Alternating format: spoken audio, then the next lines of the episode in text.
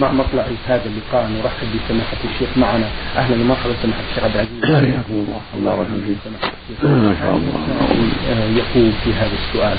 سماحة الشيخ بينوا لنا كيف كانت عقيدة أصحاب رسول الله صلى الله عليه وسلم في صفات الله سبحانه وتعالى وفي توحيد الله وفي القرآن وفي البعث والجزاء؟ جزاكم الله خيرا.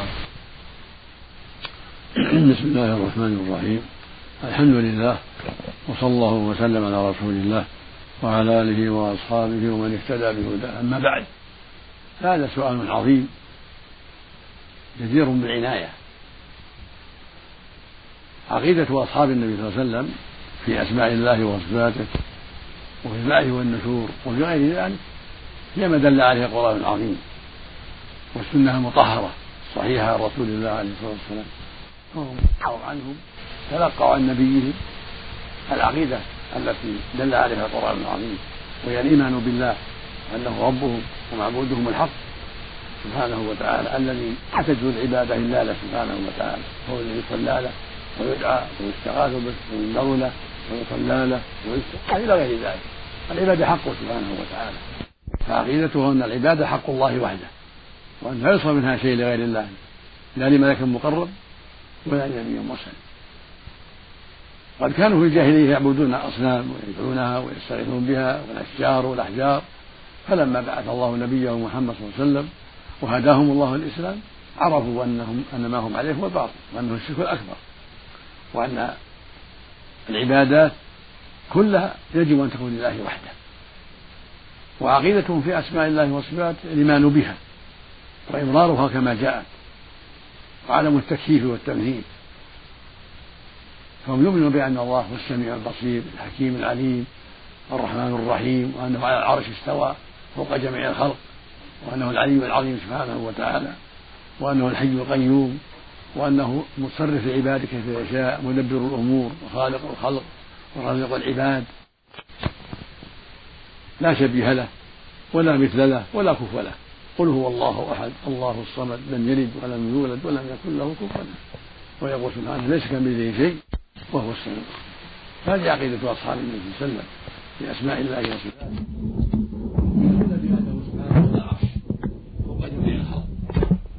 وأنه العلي العظيم وأن الأعمال ترفع إليه الأعمال الصالحة كما قال جل وعلا إليه يصعد الطيب والأعمال الصالحة قال جل وعلا تعرض الملائكة والروح إليه.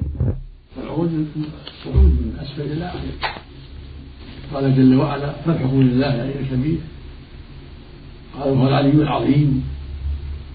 قال في حق عيسى إني متوفيك ورافعك الي قال من رفعه الله اليه فهو فوق العرش.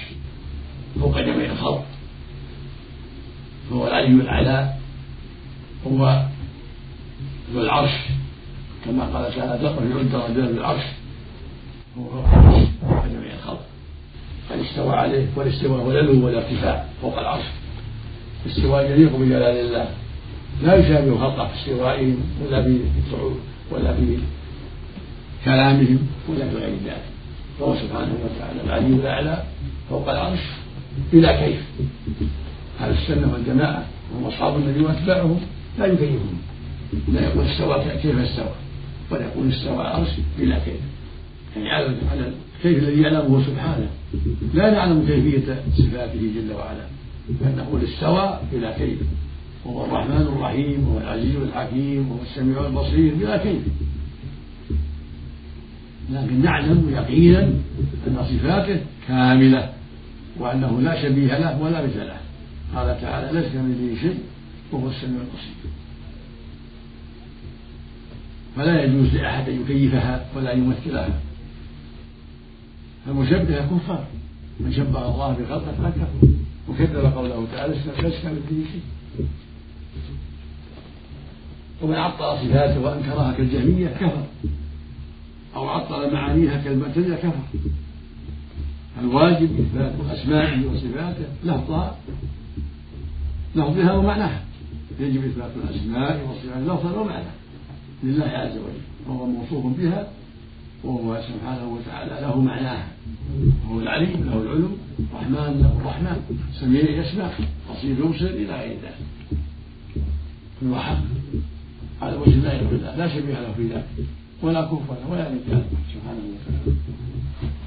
وكلام الله منزل غير مخلوق يتكلم القرآن وكلامه منزل غير مخلوق.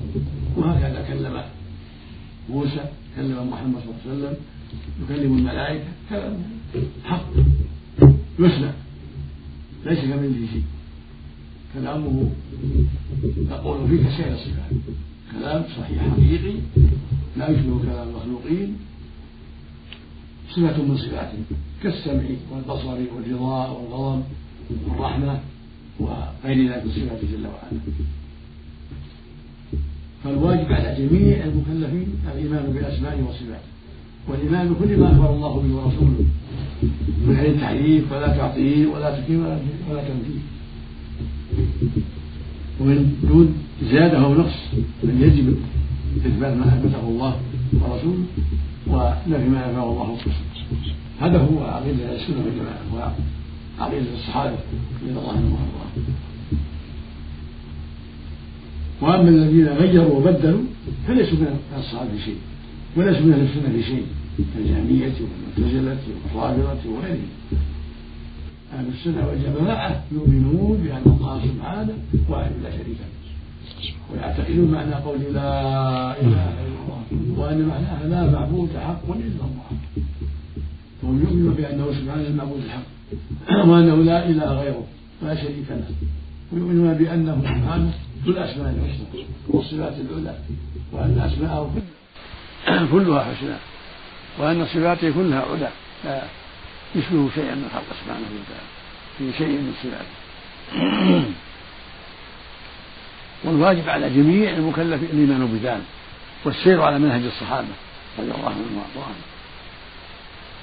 هو توحيد الله والإخلاص له والإيمان بأنه يستحق العباده والإيمان بأسمائه وصفاته وانه حق وانه لا شبيه له ولا مثل له ولا كفر له. ليس كمثله شيء وهو السميع البصير. ولم يكن له كفوا أحد. فلا تضربوا الله الأمثال. هذا هو دين الله. هذا هو الحق. الذي جاءت بالرسل عليهم الصلاة والسلام. نعم. هذا السائل من السودان يقول هذه الرسالة كتبها بأسلوب خاص يقول في هذا السؤال. سماحة الشيخ السلام عليكم ورحمة الله وبركاته.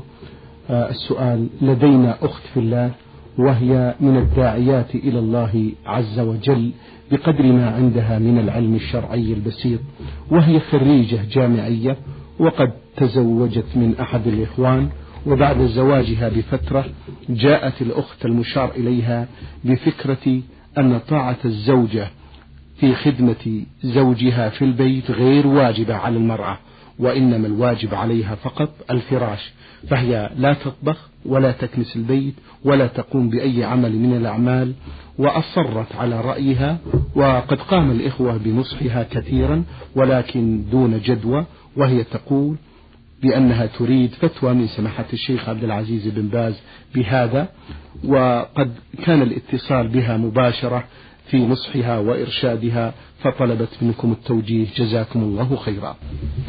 الواجب على الزوجة سمع والطاعة زوجها وأن تعاشره بالمعروف كما يعاشرها المعروف. قال تعالى وعاشرهن بالمعروف قال تعالى ولهن مثل الذي عليهن بالمعروف وللرجال عليهن درجة فالواجب عليها السمع والطاعة في الفراش وحاجته إلى نفسها والواجب عليها أيضا خدمته الخدمة المعتادة التي يخدم مثلها مثله. فإذا كانت يخدم مثلها فعليه يخدمها وإذا كان مثلها لا يخدم في عرف بلادهم أنهم يخدمون أزواجهم وجب عليها أن تخدم لأن هذه مسائل عرفية. الرسول أطلقها والقرآن أطلقها. عاشروهن بالمعروف ولهن بالمعروف. فإذا كانت من بيت يخدم نساء ولا يخدمون أخدمها مع قدرة. وإذا كانت من في عرف في عرفهم أنها تخدم زوجها وتقوم بحاجة البيت من الطبخ وغيره فعليها أن تقوم بذلك. وكان أزواج النبي صلى الله عليه وسلم يخدمونه في البيت يخدمونه صلى الله عليه وسلم في بيته يقدمون له الطعام والحاجات. وهن أشرف النساء. رضي الله عنهن الواجب وأن تخدمه في بيته وأن تقدم له المعتاد من طعام وشراب ولباس وغير ذلك إلا إذا كان قد استقر في البلد وعرف في البلد أن مثلها لا يخدم وإنما يخدم فيما يتعلق بالطبخ ونحوه فإنه يأتي لها بخارج يتيسر إذا استطاع ذلك. نعم. جزاكم الله خيرا. لديها ابنة خالة في بيت واحد. هذه البنت تعمل أعمالا كثيرة من الأخطاء والتي لا ترضي الله عز وجل ولا ترضيني تقول. إنها تهاتف رجل في الهاتف وتؤخر الصلاة. وأيضا تقول قمت بنصحها بنصحها وتكلمت معها ولكن لم ينفع معها النصح. والتذكير علما بأن تقول ومن ضمن هذا الهاتف بأن أحد الأشخاص وعدها بالزواج كباقي القصص التي نقوم بسماعها هل يجوز لي أن أقوم بكشفها وفضحها آه، أمام أهلها أم أستر عليها؟ وجهون سماحة الشيخ. الواجب نصيحتها والستر عليها. تنصح توجه إلى الخير وأن المهاتفة إذا كانت قد تفضي إلى الزنا لا يجوز. أما المهاتفة بأن تسأل عن حاله لأن يخطبها ويسألها عن حالها لأجل الخطبة الخطبة فلا بأس. أما مهاتفة يخشى من ورائها أن يجتمع على الفاحشة هذا لا يجوز. يجب أن تنصح وتحذر من هذا الأمر المنكر ولا مانع من وعيدها وتخويفها بأن يرفع بأمرها إلى أهلها لعلها تستجيب ولعلها تخاف من باب الترهيب. والستر مطلوب لقول النبي صلى الله عليه وسلم من ستر مسلم ستره الله في الدنيا والآخرة. هذه يسر عليها وتحذر وأن الواجب عليها الكف عن هذا الشيء إلا إذا كان الرجل خاطبا أو يريد أن يخطب ويتحدث في موضوع الخطبة فقط فلا حرج في ذلك. جزاكم الله هذه السائلة تقول أخت كانت تأكل في رمضان آه، أيام متعددة وتسأل هل يجب عليها القضاء بعد أن تابت والتزمت بشرع الله أم أنها تدخل تحت قوله تعالى إن الله غفور رحيم؟ عليها أن تقضي. ما دام مسلمة عليها أن تقضي. وتتوب إلى الله مما فرطت الله جل وعلا يقول ومن كان مريضا أو على سفر فعدة من أيام أخرى. فإذا كان مريض المعذور يقضي والمسافر كالمتساهل المفطر عمدا من باب الأولى مع التوبة إلى الله. أما إن كانت لا كافرة ما تؤمن بالدين أو ما تصلي فعليها التوبة ولا قضاء لأن الكافر تحبط أعماله. عليه يجدد من جديد. أما إذا كانت مسلمة تؤمن بالله واليوم الآخر تصلي ولكنها تساهلت في رمضان فعليها القضاء والكفارة. القضاء والتوبة والكفارة. ثلاثة أمور. قضاء الأيام والتوبة إلى الله مما فعلت بالندم والإقلاع والعزم لا تعود ويطعم مسكين عن كل يوم وهي الكفارة نص ساعة. كيلو ونص تقريبا هذا عن كل يوم. من قوت البلد من تمر أو رز أو حنطة. من قوت بلدها. نعم. جزاكم الله خيرا. آه هذا السائل الذي رمز لاسمه بسين عين من المملكة الأردنية الهاشمية يقول أرجو من سماحة الشيخ الإجابة على أسئلتي. ما هي علامات قبول الله عز وجل لتوبة المؤمن وقبوله لأعماله من الصلاة والصوم والصوم مأجورين؟ من علامات قبول الله لتوبة العبد وأعماله استقامته على الحق والهدى والسير على المنهج القويم. هذا من علامات أن الله وفقه وقبل منه. متى تاب إلى الله وناب إليه واستقام على الحق. هذا من علامات التوفيق وأن الله قد تاب عليه. انحرافه وعدم استقامته دليل على أن التوبة غير صادقة أو أن الله لم يقبلها منه. فالمقصود أن استقامة العبد بعد التوبة وسيره على المنهج القويم إن كان لا يصلي استمر في الصلاة إن كان لا يصوم استمر في الصوم إن كان عاقا لولديه استمر في بر والديه إذا استمر على هذا فهذه علامة الخير. مثل ما أن الإنسان بعد رمضان إذا استمر في الخير هذه علامة أن الله قبل صيامه وإذا انحرف هذه علامة عدم التوفيق نسأل الله العافية. جزاكم الله خيرا سماحة الشيخ يقول هذا السائل في سؤاله هل هناك صلاة لتفريج الهم وتكون بركعتين ثم يدعو الإنسان بدعاء اللهم فارج الهم وكاشف الغم أجب دعوتي أو أجب دعوة المضطرين إذا دعاك. لا أعلم في هذا شيء خاص صلاة خاصة لكن مثل ما قال الله جل وعلا أستعينوا بالصبر والصلاة فإذا استعان بالصلاة صلى وسأل ربه في سجوده وفي جلسته للسلام بعد التحيات هذا طيب. من أسباب الخير الله جل وعلا أمر بالاستعانة بالصبر والصلاة. والنبي صلى الله عليه وسلم إذا حجبه أمر فزع إلى الصلاة. فإذا صلى الإنسان ركعتين الضحى أو في الليل ودعا ربه في سجوده وفي ما قبل السلام إذا فرغ من التحيات أو بعد الصلاة رفع يديه ودعا كله من أسباب الخير من أسباب التوفيق. نعم. جزاكم الله خيرا. يقول سماحة الشيخ في هذا السؤال هل عدم قبول دعاء المؤمن وعدم تحقق دعوته تكون عقاب له على خطيئته وارتكابها؟ يقول هل عدم قبول دعاء المؤمن وعدم تحقق دعوته تكون عقابا له على خطيئته وارتكابه لها؟ قد يقع هذا قد يقع تأجيل الإجابة يكون من العقوبة لأن ما ما أتى بالتوبة ولا تاب توبة نصوحة. قد تكون لأسباب أخرى ذنوب أخرى ومعاصي أخرى اقترفها. المقصود أنه يلح على ربه ويجتهد في التوبة ويلح أيضا في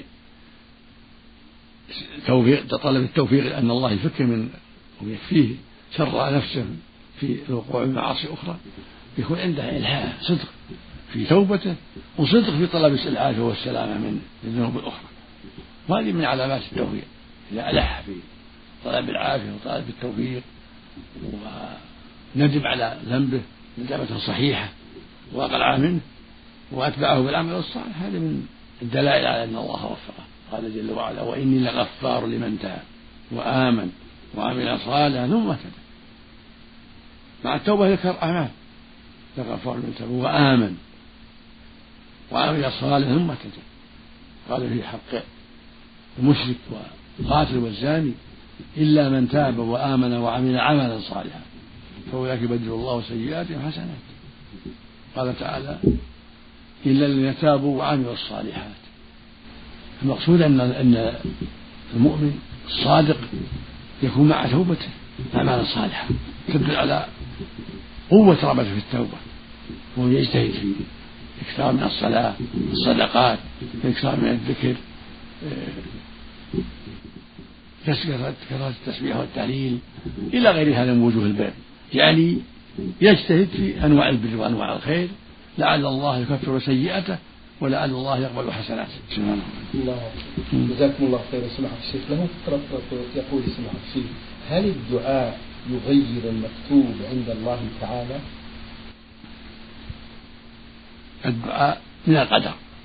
والمكتوب لا يتغير. القدر قدرا. قدر محتوب لا حيلة فيه. وقدر معلق. فيكون بعض القدر معلق بالدعاء فإذا دعا زال المعلق. قد يكون معلق. أن الله جل وعلا يتوب عليه إذا صلى إذا صام إذا فعل كذا. هذا قدر معلق الله جل وعلا يرفعه عنه بما فعل من الطاعات والأعمال الصالحات والتوبة.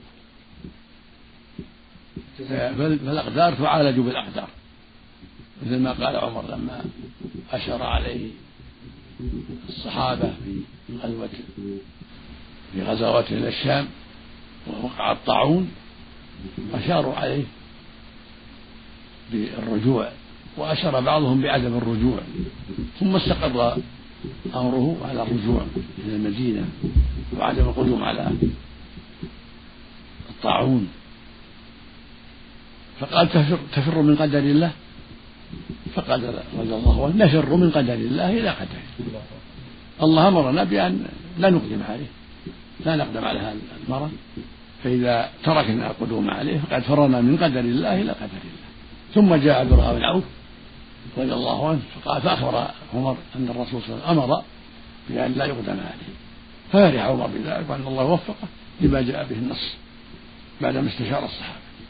وهكذا الإنسان تصيبه الحمى فيتعاطى الأسباب يفر من قدر الله إلى قدر الله. يجوع يأكل حتى يزول الجوع يفر من قدر الله إلى قدر الله. يصيبه الحر فيشرب الماء البارد أو يتروش يفر من قدر الله إلى قدر الله. يصيبه مرض في عينيه فيعالجها بأنواع العلاج يفر من قدر الله إلى قدر الله وهكذا أنواع العلاج كلها. ترى من قدر الله إلى قدر نعم. جزاكم الله خيرا سماحة الشيخ. يقول هذا السائل من الأردن في سؤاله أرجو التفضل سماحة الشيخ بتوضيح صلاة الاستخارة. وهل عدم تغيير نية الإنسان وعدم تغيير الظروف المحيطة يعني أن هذا الموضوع فيه خير للإنسان؟ الاستخارة تشرع عند ما يهم الإنسان بشيء عنده فيه تردد.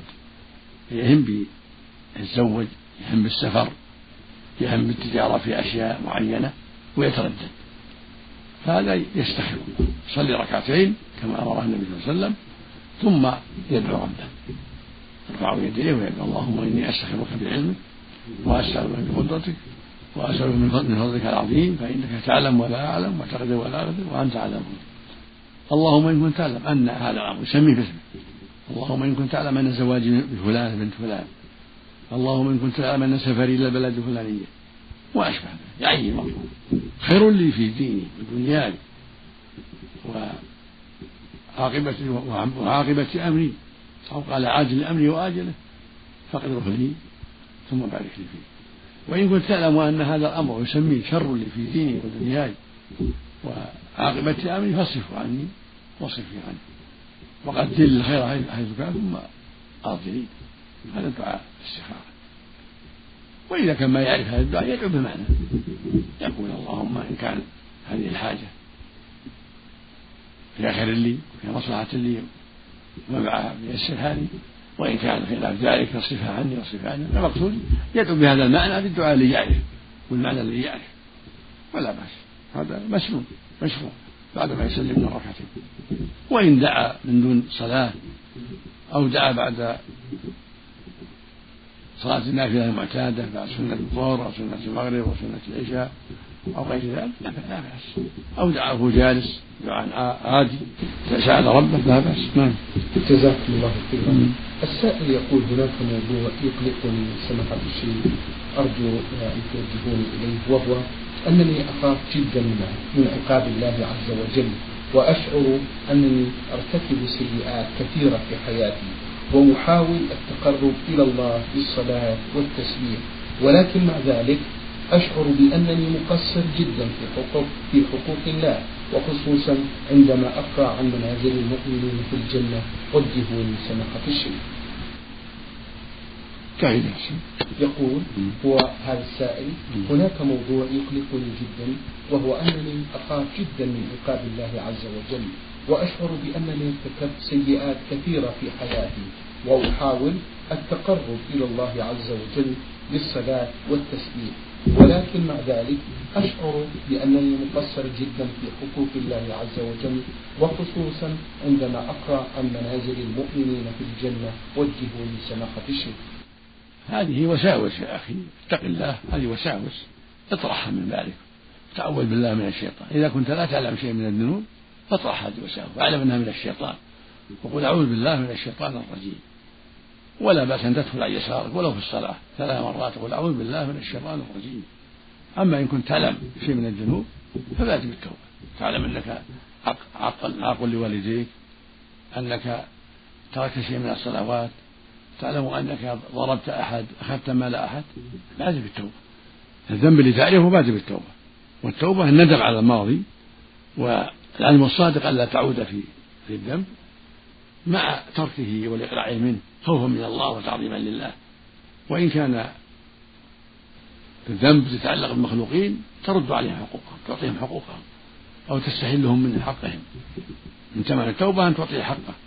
مال أخذته منه أو ضربته أو قتلت قتلت ولده أو ما أشبه ذلك تعطيه حقه.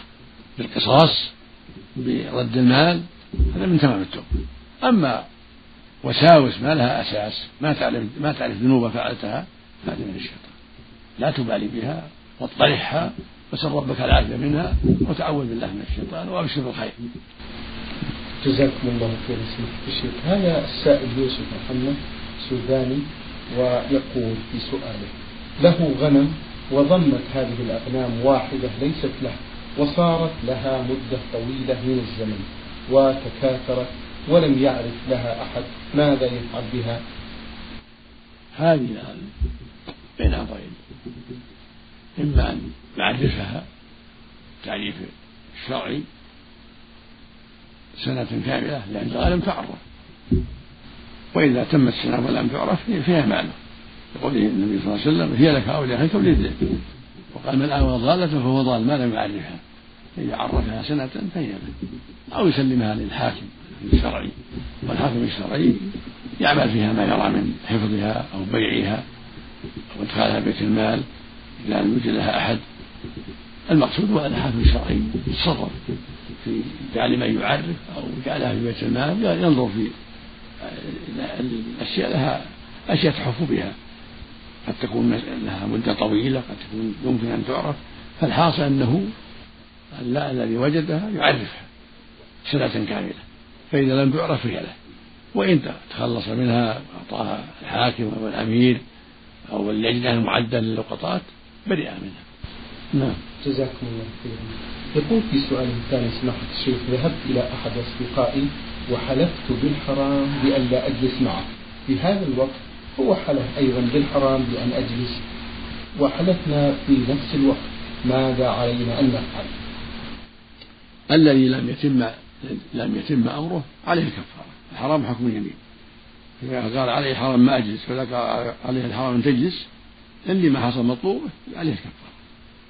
من منهما. مثل عليه الحرام ما يأكل. والآخر يقول عليه عليه الحرام أن تأكل. وهذا يقول عليه الحرام أن تقهوى ويقول عليه الحرام ما أتقهوى. اللي تمت يمينه ما عليه شيء. واللي ما تمت يمينه عليه عليه الكفارة. فإذا قال عليه الحرام ما يتقهوى وتقهوى عليه الكفارة. عليه الحرام ما يتغدى ثم تغدى عليه الكفارة وهكذا. وهي كفارة يمين إطعام عشرة مساكين أو كسوة عشرة. كل مسكين له نصف صاع تمر أو رز حكم حكم اليمين أو الحنطة نعم. جزاكم الله خيرا. هل تجوز الصلاة إذا كان الإنسان إذا كان الإنسان غير طاهر؟ عليه جنابة مثلا وكان البرد شديدا جدا ماذا يفعل هذا؟ أعد يقول هل تجوز الصلاة إذا كان الإنسان غير طاهر عليه جنابة مثلا؟ وكان البرد شديدا جدا ماذا يفعل هذا الرجل؟ إذا وجد النار يسخن الماء ويكون في المحل البعيد عن الهواء والبرد في محل كن في غرفة في حمام ويغتسل. أما إذا كان عليه خطر ما, ما وجد ماء أو ماء بارد لا يستطيع ما عنده ما يدفئه به.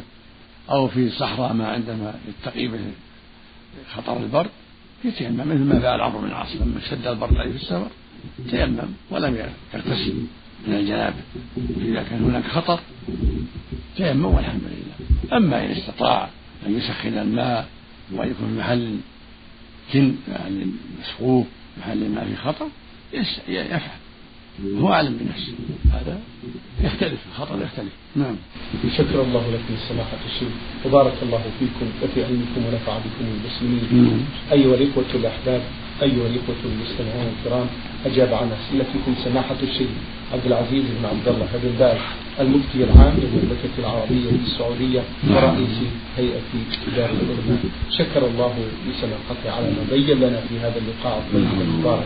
في الختام تقبلوا تحيات الزملاء معي في الإذاعة الخارجية الزميل المهندس سهد العثمان من هندسة الصوت زميل مهندس الصوت سعد عبد العزيز خميس. والسلام عليكم ورحمة الله وبركاته.